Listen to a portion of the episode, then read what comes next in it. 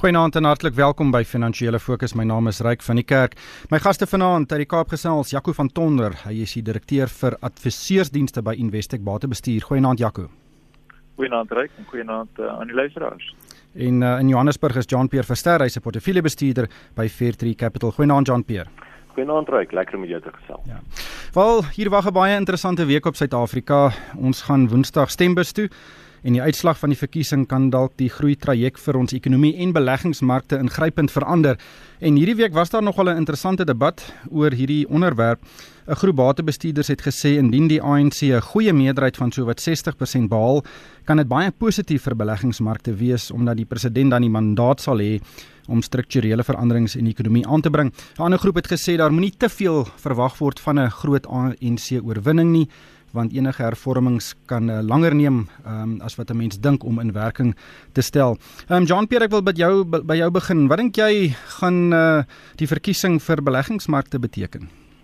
Wel, reik die mees ehm uh, um, uh, verwagte uitkomste is dat die ANC wel 'n meerderheid kry of dit nou net oor 50 of nader aan 60% is.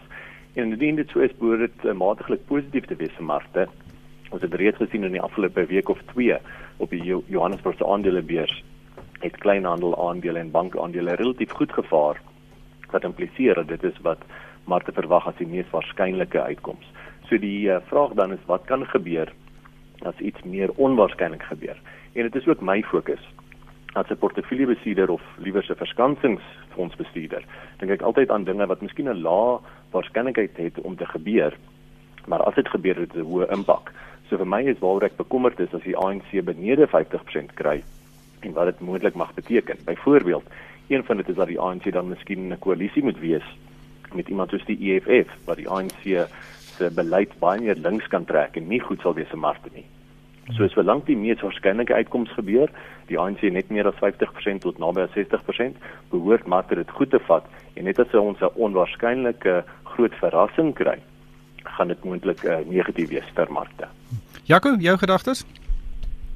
Kyk, ek dink ek dink mense uh uh mense maak baie keer die fout om te dink dat uh, beleggingsmarkte en die ekonomie altyd dieselfde liedjie sing en ek dink uh Jean het baie mooi uh, dit die ding uiteengesit oor hoe die beleggingsmarkte op hierdie stadium geposisioneer is. Dis moet egter nie die oog verloor in dat die sukses van die toekoms van ons land gekoppel is daaraan dat die ekonomie suksesvol kan groei. En ek dink in daardie opsig is die verkiesing van baie meer belang as noodwendig hoe die markte op die korttermyn gaan reageer. Ek bedoel die twee groot olifante in die vertrek is maar hoe die ANC die die fiskale tekorte wat in ons ekonomie uh, in staatsinstellings na vore getree het in die laaste 5 jaar met Eskom aan die voorpunt hoe daardie uh situasie aangespreek gaan word. Daar moet 'n plan wees wat vir elkeen van die goed gebruik gaan word en ek dink daardie plan is nog nie regtig waar met met met ons gedeel nie en ek dink na die verkiesing is dit een van die eerste goed waarvoor ons moet kyk. En natuurlik die tweede ding is die algemene vertrouensvlakke in die besigheidssektor. Ons is op vlakke van kontante deposito's van SA huishoudings ongeveer 50% 40% van besteedbare inkomste. Ons was laas op hierdie vlakke in die vroeë 90s om die waarheid te sê 1991. So dit wys vir jou hoe laag die vertroue is in die privaat sektor op hierdie stadium en sonder vertroue in die privaat sektor en herstel in die fiskale beleid van die Suid-Afrikaanse regerings uh, skuldposisie uh, is die is die mediumtermyn groei vir die land uh, in gevaar en dit is eintlik die groot probleem um, waar waar waarvoor ek dink ons volgende week gaan moet uitkyk. Uh, en miskien nie noodwendig tydens die verkiesing nie, maar in wat in die onmiddellike daaropvolgende afkondigings gaan gebeur.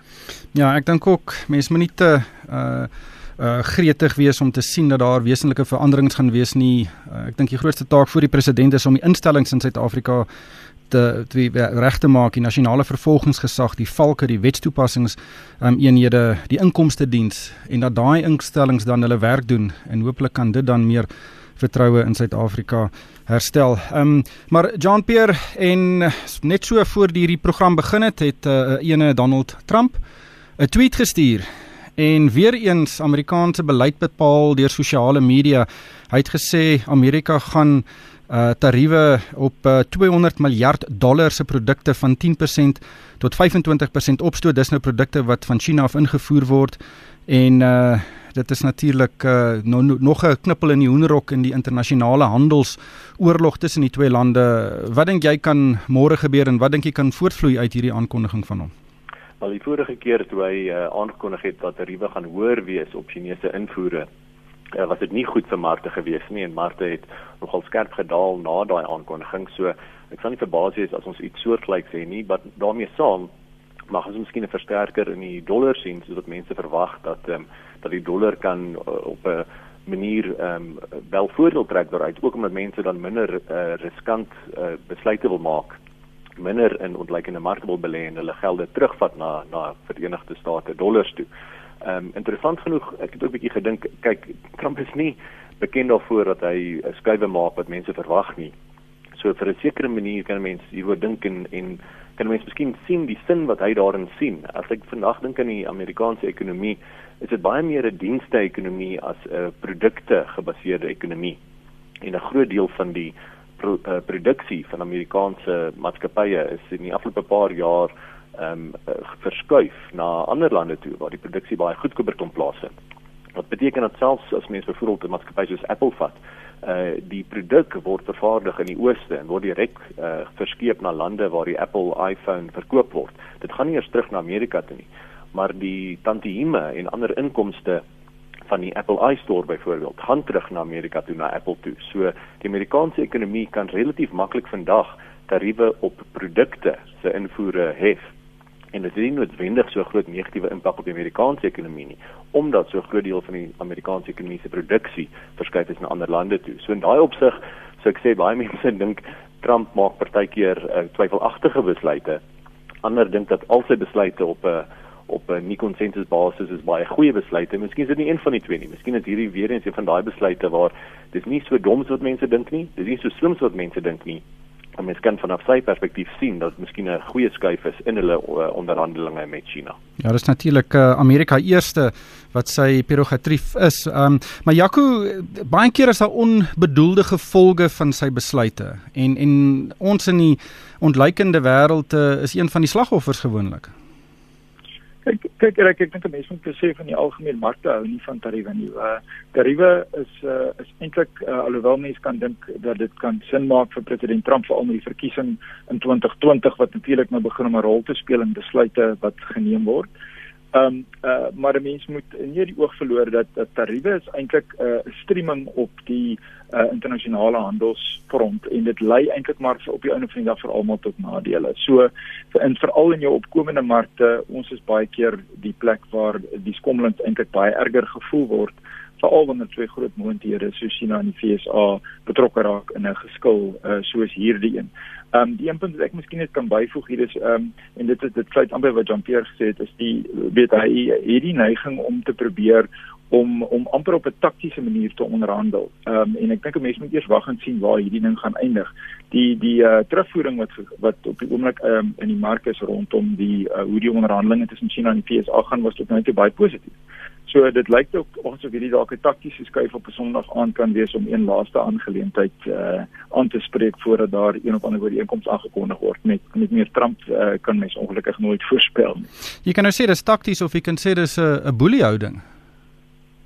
Ja, ek ek ek mens kry baie keer die idee dat uh, dat dit dalk die manier is hoe hy sy besigheids uh sy groot besigheidsbelange gebou het en dat hy baie van daai dieselfde onderhandelingsstrategieë eintlik maar uh, gebruik nou dat hy president ook is. Uh dit is nie meer nog altyd gepas nie uh, en ek dink mense kan seker debatteer hoe effektief dit is, maar dit is hoe hy te werk gaan en ek dink dit is waaraan ons moet gewoond raak want dit het ongelukkig impak op lande soos Suid-Afrika. Hmm. Ehm um, John Pierre, nog 'n groot storie wat die naweek in Amerika plaasgevind het, was natuurlik die jaarvergadering van Berkshire Hathaway daar in Ouma. Dit is uh, vir baie mense die Woodstock van kapitalisme. En uh, meer as 50000 mense het na die jaarvergadering kom luister en daar voor in die jaarvergadering sit Warren Buffett. Onthou hy's 88 jaar oud en ook Charlie Munger wat 95 jaar oud is en hulle sit daar vir ure en ure en hulle antwoord uh, beleggers uh, se vrae of mense wat hierdie konferensie vir die algemene jaarvergadering bywoon en hulle antwoord dit baie baie geduldig uh, was jy al by by een van hierdie geleenthede en weet jy of hy van jaar enige wyshede kwyt geraak het uh, ja Ryk ek was 2 jaar in 'n ry gewees nommer 49 en nommer 50 van hierdie Berkshire Hathaway jaarvergaderings gewees. Uh maar so 3 jaar gelede het hulle begin om die uh, uh jaarvergaderinge direk op die internet te stroom sodat mense nie meer fisies daarop te wees nie, maar mens kan nog steeds hoor en sien presies wat meneer Buffett en Munger te sê het. En uh, ek het nou al helfte van die videogrepe gekyk. Dis 8 ure in totaal as mense dit wil Google om daai webblad te kry, die Yahoo Finance uh, webblad. So die tweede helfte sal ek môre oor 'n paar koppies koffie of tee verder bekyk. En ons het 'n paar interessante dinge wat reeds uitgekom het. Jy het reeds genoem dat um, hierdie twee persone meneer Buffett en Munger is 88 en 95 jaar oud en is ongelooflik hoe skerp hulle nog steeds is. En een van die dinge wat my opgeval het is ehm um, byvoorbeeld uh, Buffett het genoem in, in sy lewe het hy al geleer dat as iemand nie baie tevrede en baie gelukkig is met 'n 100 000 dollar nie, gaan hulle nie baie gelukkig wees met 'n 100 miljoen dollar nie. Dat sodra mens genoeg geld het om jou basiese behoeftes te bevredig, dan gaan enige addisionele geld jou nie regtig meer gelukkig maak nie. So daar's miskien meer as 50 000 mense wat al die pad ouma toe gegaan het en baie van hulle se gegaan het met die verwagting dat hulle een of ander resep sal kry om ryk te wees. Maar dit is interessant dat Buffett soos in vorige jare ook genoem het dat geluk kom basies uit ander dinge uit en sodra jy genoeg geld het om jou basiese behoeftes aan te voorsien, kom verdere geluk nie noodwendig van meer geld nie. En daar's 'n klomp sulke wyshede wat mense kan kyk uh, as hulle dit soek op die internet vir hierdie videogrepe. Ja, is natuurlik een van die wêreld se grootste beleggers ooit. Maar Jaco, was jy al daar? Ja, weet jy ek ek was nog nooit daar nie. Ek het uh, ook maar die videogrepe die laaste tyd begin kyk. Uh interessante interessante ervaring die mense wat daar was vertel my uh dat uh dit is nogal interessant om te sien hoe hulle eintlik daai hele stad oorneem. Uh so die hele die logistiek agter die hele ding is omtrent indrukwekkend. Ehm um, ek stem saam met Jean Pierre dit is twee interessante individue. Uh ek het ook maar nog net 'n uh, gedeelte van die van die sessies uh, op video bestudeer, maar dit soos gewoonlik het hulle 'n wye reeks antwoorde op interessante vrae gehad. Ek het veral die een geniet waar hulle gepraat het oor Wells Fargo uh, en natuurlik die ongeruimthede wat daar plaasgevind het uh uh rakende die bonusstelsels wat mense ehm um, van die bank uh op die ouende uh, rekeninge geskep het vir beleggers of vir kliënte wat nie bestaan nie in 'n poging om groot bonusse te verdien. En die gesprek wat hy daar gehad het was uh, grootendeels oor hoe belangrik dit is om te sorg dat jy vir mense die regte tipe bonusstrukture uh in plek sit in 'n besigheid as jy wil hê hulle moet in die aandeelhouers se belang optree. En die tweede baie interessante een was hy voorstel om te sê dat indien 'n bank bankrot gaan en staatshulp nodig het dat die uh, besturende hoof van daardie bank asook daardie besturende hoof se gade al hulle bates ook in die proses saam met aandeelhouers moet verloor. So hy het nogal 'n klompie interessante sê goed gehad uh, gister by die by die sessie. Ja, vir my interessant was dat Tim Cook natuurlik die uitvoerende hoof van Apple was ook daar en uh, dis nou dat 'n uh, Berkshire Hathaway of uh, Buffett nou ook in Apple belê het. Uh regtig interessant en gaan enige beleggingsboek van Buffett skep ook ongelooflike perspektiewe oor hoe om na beleggingsmarkte te kyk. Maar Jean Pierre, dan Rian Stassen uh het aangekondig dat hy einde van dese maand as Capitec se voorsitter gaan uittreë. Hy was natuurlik een van die stigterslede van Capitec uh en en Capitec het vir oor die afgelope twee dekades die hele bankbedryf op sy kop gekeer. Uh en en die bankbedryf uh 20 jaar gelede was ook baie baie mededingend. Um en sedertdien was Capitec al die internasionale bank van die jaar. Hulle tans 100 uh, al hulle tans 11.4 miljoen aktiewe kliënte. Die markwaarde is 160 miljard rand en uh, dit plaas hulle op nommer 16 op die top 40 lys en hulle is groter as Absa, Nedbank en Kumba. En uh, ek dink baie keer kyk ons na die groot entrepreneurs in Suid-Afrika en hy is verseker ene wat ook erkenning moet kry. Verseker en uh, ek ken hom nou vir 'n paar jaar ryk Eerstens as analis toe ek uh, begin om die banke te analiseer, seker 'n goeie dekade of wat terug en sedert 2015 as 'n mede-raadslid op die Capitec direksie. En Rian het 'n ongelooflike oog vir detail en hy's 'n ongelooflike goeie waarnemer. En uh, mense kan dit sien in baie van die dinge selfs vandag in Capitec het gekom toe Capitec al uh, nog na 'n klein organisasie, 'n klein bank was. Al daai basiese elemente, daai detail elemente, 'n goeie rugsteenstelsel en klein dinge soos byvoorbeeld om te weet as iemand instap het hulle 'n kaartjie en mens kan 'n uh, 'n uh, uh, aanlyn sien hoeveel mense wag in enige tak op enige tyd uh, reg deur die Capitec netwerk. En daai tipe detail is wat hy as uh, hoofuitvoerende beampte uh, in die organisasie ingebring het. So ehm um, dit val my op dat baie keer mense wat groot sukses behaal is die tipe mense wat eerstens fokus op detail wat baie proses georiënteerd is en nie tweede beste aanvaar nie. Dinge moet reg gebeur. En reg is ook nie noodwendig met wen, wat wat ander mense van tevore gedoen het nie. Partykeer moet 'n mens inkom met 'n nuwe uh, oogblik op wat die regte manier is om dinge te doen. En weer eens in daai opsig sou ek sê dat net omdat die ander banke bankwese op sekere maniere gedoen het, uh, wat nie noodwendig die regte manier nie. Met Rian se agtergrond van bestel jare van tevore en 'n uh, meer kleinhandel agtergrond om te dink wat is beste vir hierdie uh, 'n uh, kliënt wat instap, hierdie klant wat instap by die kleinhandelaar. Daai tipe manier van dink is ook dan ingebring in die Capitec bankwese. So Rian Stadsen was definitief verantwoordelik vir uh, 'n uh, groot deel van Capitec se sukses oor jare. Hmm. Jaco Ek het gereik in 2001 toe Capitec begin het. was net so kort voor uh, die dramas met saambou. Het uh, het was die konsensus opinie dat uh, klein banke in Suid-Afrika net nie kan oorleef nie. Ehm um, en dat jy as jy nie een van die groot vier is nie, is daar nie 'n toekoms vir jou in bankwese in Suid-Afrika nie. En ek dink Rian het net eenvoudig gewys dat dit is 'n nonsens. As jy die regte goed doen vir die teikenmark, kan jy selfs die groot spelers wat die mark domineer aanvat.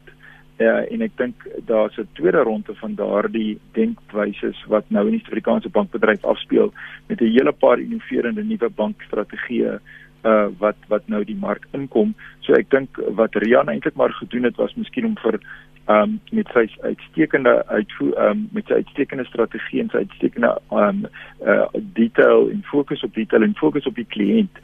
Ek dink dis daardie dryf wat ons nou gaan sien 'n tweede fase van uh in Suid-Afrika in die bankwese gaan uh losgelaat word en, en ek is baie opgewonde oor wat dit beteken vir die toekoms van die Suid-Afrikaanse bankbedryf.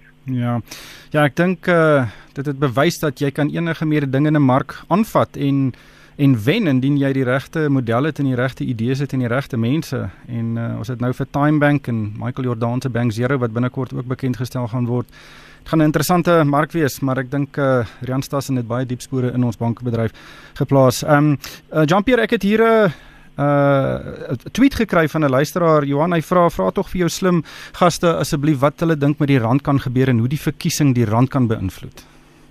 Wel, ek dink weer eens dit hang af van die uitkomste wat ons kry en uh, my verwagting is dat as dit soos verwag is dat die ANC net meer as 50 tot uh, min of meer 60% kry, behoort die rand uh, te verstewig uh, relatief tot die vlak wat ons die afgelope paar weke gesien het sodat daar 'n sig van verligting uh, gesig word deur markte dat daar gaan nie enige groot veranderinge veral veranderinge wat nie vriendelik is vir besigheid en van, van kapitalisme vir kapitalisme sal gebeur nie. En net as ons 'n uitkoms sien wat een van hierdie uh, lae uh, uh, uh, waarskynlikheid uitkomste is waarna verwys het waar die ANC of baie swak doen benede 50% of kom ons sê baie goed doen en dan word die vraag gevra van uh, hoe hoe hoe uh, objektief was die uh, stemstelsel gewees en was daar nie miskien probleme met die stemstelsel as die ANC byvoorbeeld uh, heelwat meer as 60% kry nie. So solank ons nie een van daai ekstreme uitkomste het nie, is my verwagting dat uh, die rand sal versterk soos wat uh, marke sig van verligting sig. Hmm, ja, Jacques, die rand staan 14.35 teen die Amerikaanse dollar. Uh, Effens sterker as uh, verlede week toe ons omtrent 14.50 was, maar dink jy daar gaan 'n uh, groot aksie wees Woensdag? Uh Ryk, ek dink is die die verwagtinge is in die mark. Ek dink ons moet by die dollar dop hou hierdie week. As ons die rand dop ons mag dalk 'n verrassing aan daai kant kry. Ja, met uh veral as daar uh, weer Donald Trump met sy uh met sy sosiale media uh, speletjies begin en sy selfoon in die hande kry. Maar ongelukkig het ons uh hierdie tyd ons ingehaal. Baie dankie aan Jaco van Tonder. Hy is die direkteur vir adviseursdienste by Investec Batebestuur en ook Jean-Pierre Verster. Hy is 'n portefeulje en verskansingsfondsbestuurder by Fairtree Capital. En vir myself Ryk van die Kerk, dankie vir die saamluister en ek koop almal 'n winsgewende week.